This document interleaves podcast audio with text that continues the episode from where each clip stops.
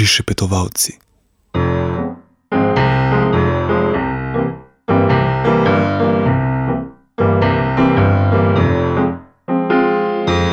Želim živeti brez skrbi in tu jaz tiskam me ne briga.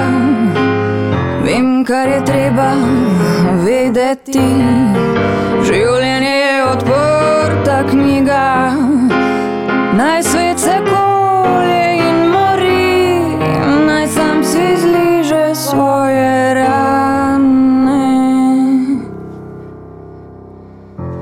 Nič več ne maram slišati, ne kvarite mi kembane.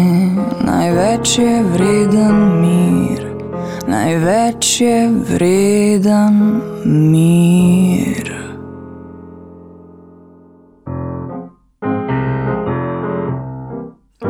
Pozdravljeni v oddaji Prišpetovalci na Radiu Student.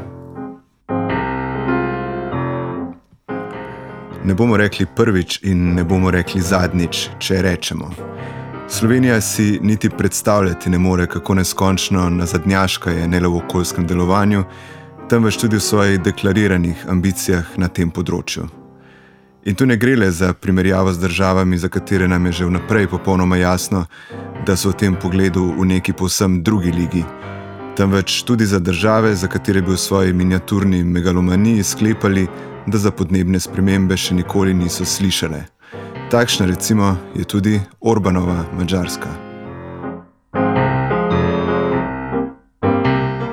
Viktor Orban ni le že zdavnaj ugotovil, da ta problem ne bo izginil, in ni le že zdavnaj ugotovil, da je ta problem zanj lahko priložnost, sestavni element njegovega v polnem smislu nacionalističnega političnega projekta, temveč je, če mu verjamemo na besedo, v tem pogledu tudi že nastavil konkreten načrt. Citiram. V tem trenutku lahko rečemo, da bomo do leta 2030 dosegli zmanjšanje izpustov oglikovega dioksida. Imamo specifičen cilj in imamo načrt, kako ga doseči. Natančno vemo, kako doseči ta cilj. Ne bo lahko, ker bo to zahtevalo transformacijo mačarske ekonomije in to vključuje stroške, a do leta 2030 si to lahko natančno predočimo. In s čisto vestjo lahko rečemo, da bomo do leta 2030 na mačarskem pridobili 90 odstotkov naše energije iz verov brez vsebnosti CO2. In stvar se ne konča na tej točki. Čeprav je Mačarska del bloka držav skeptičnih do zaveze ničelnih neto emisij do leta 2050, mu tudi v tem pogledu uspe formulirati argument, ki bi ga morala znati proizvesti vsaka evropska država. Citiram: Pozicija Mačarske je, da je to za našo državo dosegljivo, a le s pomočjo radikalnih in daljnosežnih programov za transformacijo ekonomije.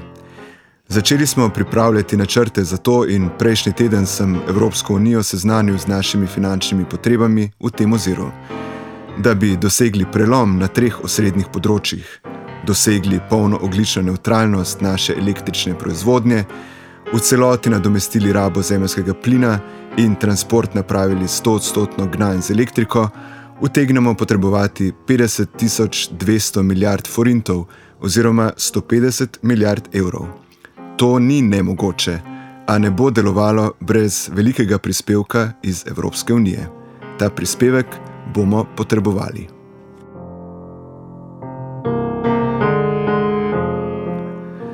Slovenski načrt, tudi ko bo izdelan, bo zelo verjetno manj ambiciozen in ta trenutek je precej očitno, da ga ne bo zagnal naš lokalni premijer, pa tudi ne, žal, noben pritisk podnebnega gibanja.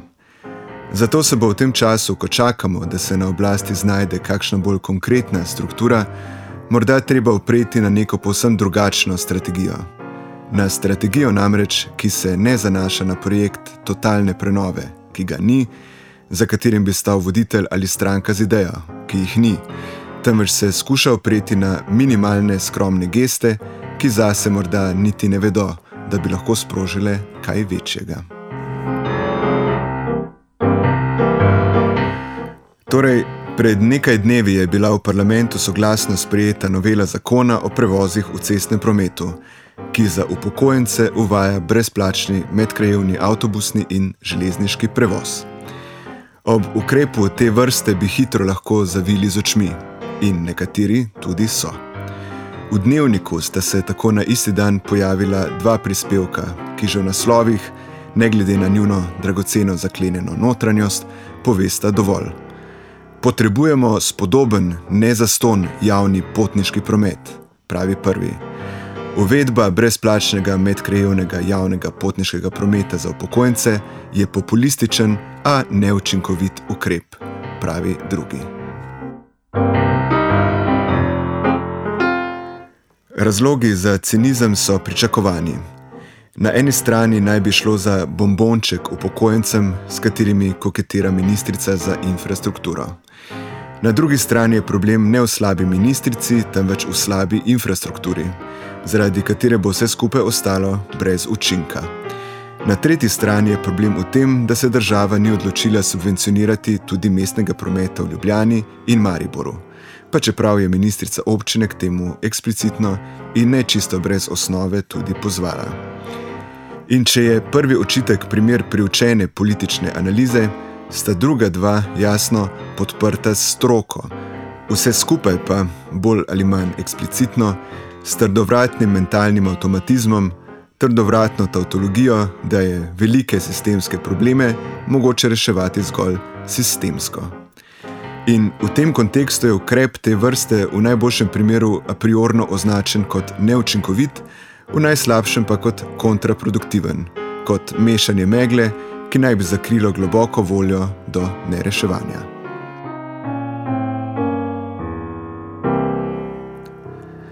Če pustimo ob strani socialno dimenzijo, ob kateri je res težko formulirati smiselne očitke, in se osredotočimo na okoljske učinke, bi spet lahko ostali cinični. Ob vsem, česar Slovenija na tem področju ne naredi, ob bizarno skromnih ciljih, ki jih demonstrira nacionalni energetski in podnebni načrt, izdelan pred nekaj meseci, ob dejansko bedni železniški infrastrukturi in še za stopnjo bolj bedni organiziranosti slovenskih železnic, Ob vsem tem je vsak parcialen ukrep neobhodno videti ne le kot nezadosten, temveč celo kot svoje nasprotje, kot nasprotje ukrepa, ne kot izboljšanje, temveč kot posredno slabšanje situacije. Edino, kar bi v tej perspektivi štelo, bi bil še enkrat resnično sistemski ukrep. Ukrep, ki bi v enem zamahu in v istem hipu ustvaril tako infrastrukturo kot njene uporabnike. Da imajo parcialni ukrepi pogosto funkcijo blokade, funkcijo ne le ohranjanja statusa quo, temveč njegovega srednje in dolgoročnega poslabševanja, je popolnoma jasno. A prav na področjih, kakršna je slovenska prometna situacija, kjer je blokada dejansko sistemska in dejansko ni več mogoče razločiti, kje se konča problem slabe infrastrukture in kje se začne že ponotranjena psihološka reakcija ponotranjena osebna izključitev vsakršne misli na uporabo javnega prevoza, za katerega mislimo, da je še slabši, kakršen dejansko je. Prav na teh področjih se je sistemskega problema mogoče lotiti zgolj kjerkoli. Nekje z neko subvencijo, z neko spodbudo, z nekim zadostnim bombončkom, ki odločilno pretehta, da se ne usedemo v avto, temveč na vlak ali v avtobus. Samo po sebi to jasno ni rešitev, a v svojem potencialu, kot model produkcije verižnega, nelinearnega učinka, ki uhaja vrednotenju običajne stroke, lahko deluje kot vzvod vsaj začetnega preboja blokade.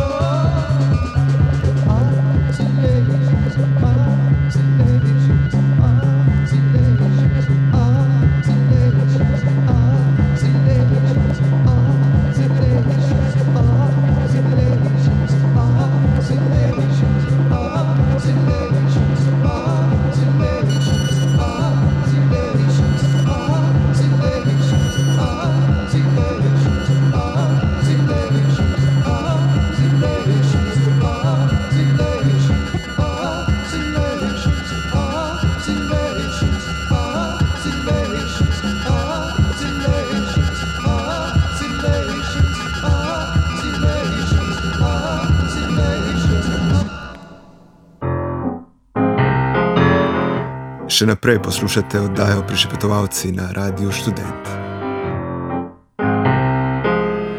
Oddajo nadaljujemo s tovariško samokritiko. Ko je med koalicijo in levico še potekal sofistični disput o razvojnostnosti in ali socialnostnosti proračuna, ki se sicer še vedno sprejema in o katerem se v resnici govori če dalje manj, na začetku prejšnjega meseca torej se nam je v prišepetovalcih malo mimo grede zareklo, da levica na koncu koncev vendarle ne bo imela srca, da bi šarcu rekla adijo. In bo proračun v imenu višjega dobrega nekako primorana pripoznati kot razvojen in socialen, ter ga posledično pomagala sprijeti. Ob tem, da je levica pred dvema dnevoma, kot je razglasil Luka Mesec, postala polna opozicija, je jasno, da prognoza ni bila najbolj točna. Medtem ko se je vlada glasove za proračun našla pri Jelinčiču in s tem de facto oduzela smisel vsaki nadaljni debati, je levica od proračuna emigrirala na edini teren, kjer je njeno sodelovanje z vlado lahko nastopalo vsaj še kot živi mrtvec na teren dopolnilnega zdravstvenega zavarovanja. In čeprav se ni čisto nemogoče zamisliti, da bi se konec še naprej vlekel na čisto isti način kot prej, s predstavljanjem rokov in pretvarjanjem, da se ni vmes zgodilo že vse, se je v sredo vendarle zgodilo, kar in kolikor se je še lahko zgodilo. Razlog, da je naša samokritika tovariška, je najbrž jasen. Tudi ko se je že vse končalo, tudi ko se je v univerzumu podpornikov stranke že nabral zadosten srd in gnev do zdaj ne le več neoliberalne, ampak že povsem desne, odprto okrutne in moralno izprijene vlade, tudi ko je za odhod dobila že vse možne žegne, levica še vedno ni zmogla reči adijo. V okvirih rezoniranja, ki ga je z dolgovlačenjem že davno povozil čas, so njeni predstavniki izjemno konsistentno vzpostavljali kot da bistveno distinkcijo, da niso oni tisti, ki zapuščajo nad koalicijo, temveč da je vlada tista, ki gre. Bo levica ostala ali šla? Z mano je njen koordinator Luka Mesec. Torej, boste ostali ali šli? Ja, dober večer. Mislim, da je vprašanje treba obrniti. Nismo mi tisti, ki odhajamo ali gremo, mi smo tukaj in še zmeraj isti. Um, nismo se mi zmenili z Jelinčičem, da nam bo podprl proračun. Vlada je tista, ki uh, se noče držati dogovorov, ki so bili sprejeti, in vlada je tista, ki odhaja iz sodelovanja. Ampak čez dva dni je dan odločitve. Res je.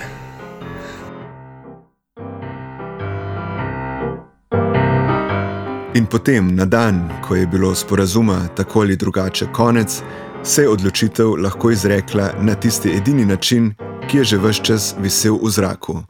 S priznanjem, da je bila v sporazumu levice s koalicijo vse čas prisotna neka nenavadno neformalna, za politiko preintimna investicija. Mesec predsednik vlade Šarac je bil danes jasen. Vlada ni tista, ki zapušča levico, ampak levica zapušča vlado. Kdo zdaj koga zapušča?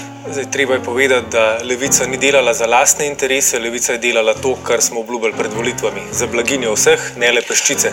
Za ampak, delavce, za reveže in ne za peščico. Ampak vi lahko vlad... odgovorite na vprašanje, kdo je zdaj koga zapustil? Tako. Vi, uh, vladajočo koalicijo ali kot pravi predsednik vlade Šarac, da ste vi zapustili vladajočo koalicijo? Glejte, vlada je začela delati ravno obratno. 135 milijonov za davčno reformo, mhm. ki prinese največ 5 odstotkov najbolje plačanih, na drugi strani so vzeli 16 milijonov revnim prostovoljcem, revnim zaposlenim. Namesto da bi se z nami uskladili v proračunu, kot smo bili dogovorjeni, so se uskladili z Jelinčičem in zdaj notri je denar za uh, orožje, za sovo, uh, subvencije za kapital, manjka pa za stanovanja, znanost, film, pokojnine in tako naprej. Skratka, Se pravi, je vlada odgovorna, da ste vi šli zaradi teh ukrepov? Glede, vlada je pač te stvari delala in mi smo seveda odgovorni do te mere, da smo danes povedali, da pač je treba v slabem zakonu ali pa v slabi zvezi pač povedati, kdaj je dovolj.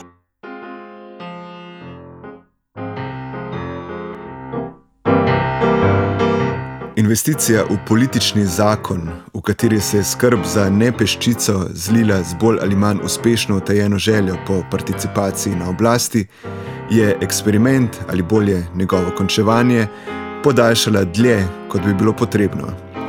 Če je levica želela pomagati pri preprečitvi kot da najhujšega, naj bo, a po izvolitvi premijeja bi se, glede na vse, kar je nemudoma sledilo, zgodba brez velikega pompa morala zaključiti.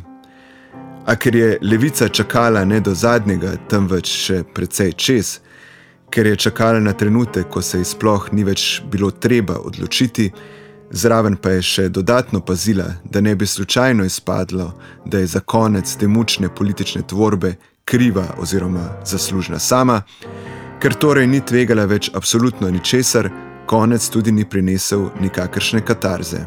Vsaj ne v tistem polju, kjer bi to bilo bistveno. Poslancem levice, zlasti tistim najbolj oklevajočim, se morda zdi, da so s tem, ko so se dali odločiti iz sporazuma, naredili nekaj velikega. A družba, ki bo od tega paralelnega univerzuma, ki se je naselil sredi realnosti, še nekaj časa okrevala, je ostala čudno hladna. Tako je tudi spontana politična analiza, kakršna se je pojavila v srednjih odmevih, vendarle zadela bistvo. Konec na določeni ravni definitivno ni definitiven. No, naša gosta sta Igor Pribac in Martin Nahtigal. Dobro večer. No, zgodilo se je to, kar smo pravzaprav nekaj tednov, morda lahko rečemo celo mesecev pričakovali. Uh, kako naprej? Kaj bo zdaj drugače? Govorimo o vladi. Je manjšinska vlada, doslej imela sporozum, večino je zagotavljala levica, vsaj na določenih projektih, zdaj te večine ni več. Kaj se bo spremenilo? Koalicijska hiša je izgubila zunanji podporni zid, ampak to ne pomeni še, da je hiša zaradi tega manj stabilna. Pravzaprav se na istem mestu lahko zgradi tudi nov podporni zid, samo cena za en bo mogoče malo više, kot je bila doslej. Mislim, da se je levica s tem odhodom med drugim zvišala ceno za morebitno podporo vladnim projektom. In seveda, vlada je zdaj bolj na prepihu, uh, iskala bo podporo včasih. Nedvomno, nedvomno šipkejša, nedvomno bo še več naporov potrebnih v dogovarjanje. Eh, in eh, te so bili že zdaj znatni. Eh, gotovo bo to resen preizkus, zlasti za premijeja, ki bo moral pokazati velike diplomatske sposobnosti, in seveda bo to pomeni tudi v resnici nek premik proti desnici. Gospod Dahtel, vaše mnenje?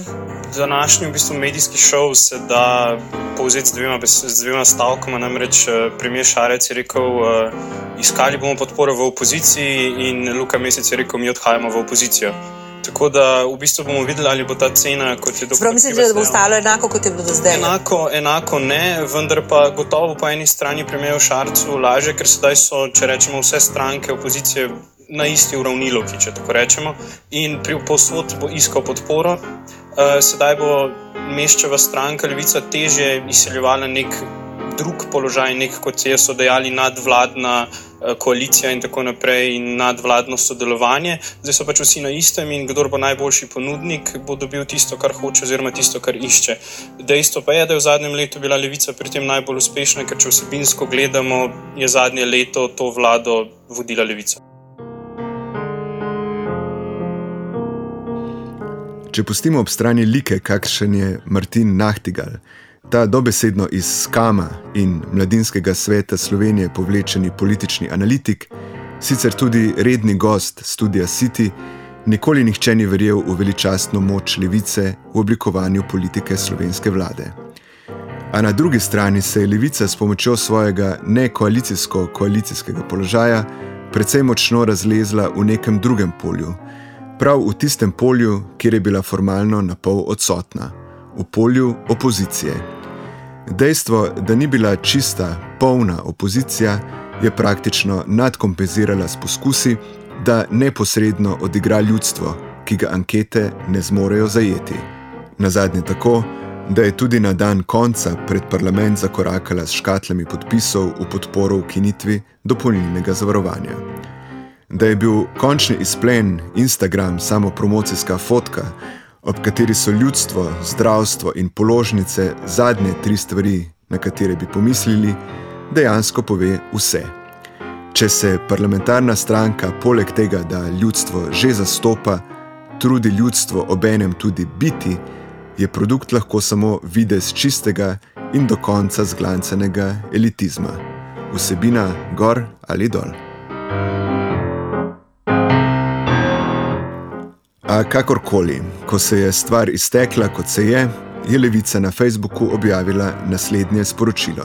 Citiram: Danes je imel državni zbor priložnost, prvič v 16 letih od prve obljube, dejansko glasovati o ukinitvi dopolnilnega zavarovanja.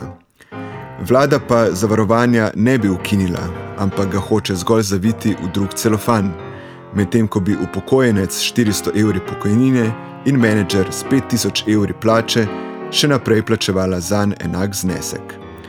Z današnjim nasprotovanjem je vlada Marjana Šarca dokončno prekinila sodelovanje z Levico. Po poskusu ukinitve dodatka za delovno aktivnost, davčni reformi za 5 odstotkov najbogatejših ter nesocialnem in nerazvojnem proračunu je namreč pohodila še zadnji ključni projekt - ukinitev dopolnilnega zavarovanja. Toda, ne glede na to, da se vlada Marjana Šarca odreka sodelovanju z Levico, naši cilji ostajajo enaki. Še naprej se bomo borili za drugačno politiko, temelječo na programu ter osredotočeno v dobrobit ljudi in okolja.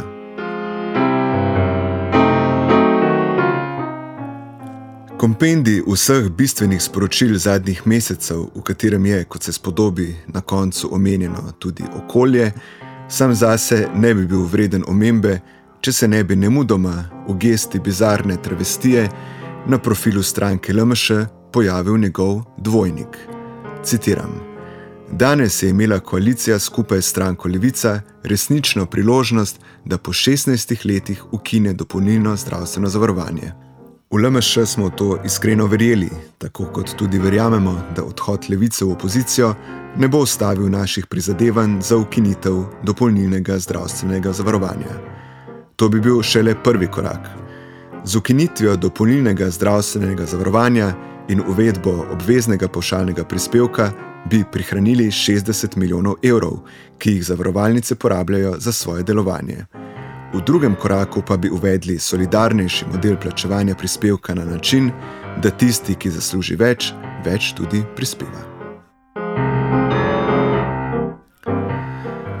Tudi če Marjan Šarec ne bi že isti dan izkoristil priložnosti za namig na direktno odložitev namere v stilu, še večjim vladam to ni uspelo, tako da nam v resnici sploh ni treba, je precej očitno, da se bo iz tega izcimil nič. V prvem koraku, ko bo vlada obvezni pavšal naložila tudi tistim, ki dopolnilnega zavarovanja zdaj ne plačujejo, ne da bi jim vnaprej povedala, ali se jih bo morda solidarnostno usmilila, bo revolt sprožila na tej točki. V drugem koraku, ko bo morda začela računati na način, s katerim bi morala jasno že začeti, ko bo tiste z večjimi dohodki seznanila, da bodo položnice za nje više tudi od najviše podržitve pri privatnih zavarovalnicah, takrat bo revolt prišel z druge strani. Na kateri točki se bo stvar ustavila, je še vprašanje, a da se bo ustavila, da se bo ustavila iz objektivnih razlogov, je že zdaj praktično jasno. In če bo levica v tem univerzumu želela najti svojo funkcijo, bi morda lahko razmislila o dvojem. Prvič, funkcija levičarske stranke v družbi, kot je naša, ne sme biti proizvodnja afekta, prej proizvodnja trezne in fokusirane misli ter skrb za njeno široko in razumljivo, logično diseminacijo. In drugič, če želi biti koristna, se mora sprijazniti z osnovnim dejstvom, da je v trenutnem stanju pač parlamentarna stranka, ki zastopa ravno toliko ljudstva, kolikor je na volitvah dobila glasov. Čas v opoziciji nikjer in nikoli ni bil čas izvrševanja lastnega programa. Kvečemu čas potikanja detajlov v zakone, ki jih piše aktualna oblast.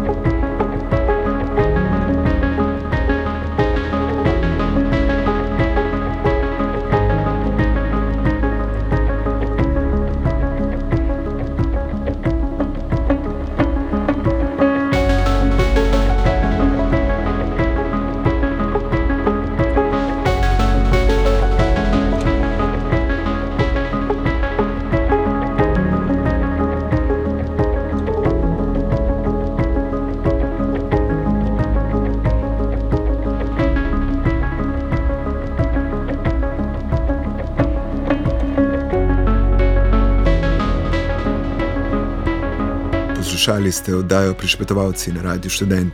Pripravila so jo Aleš in Tadej, tehniciral je Linč.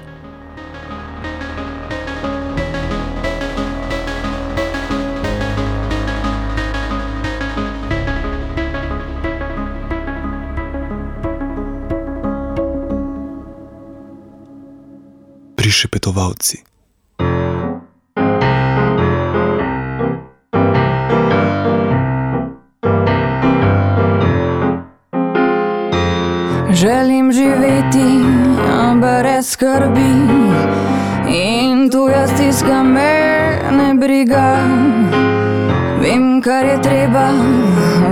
Vedeti.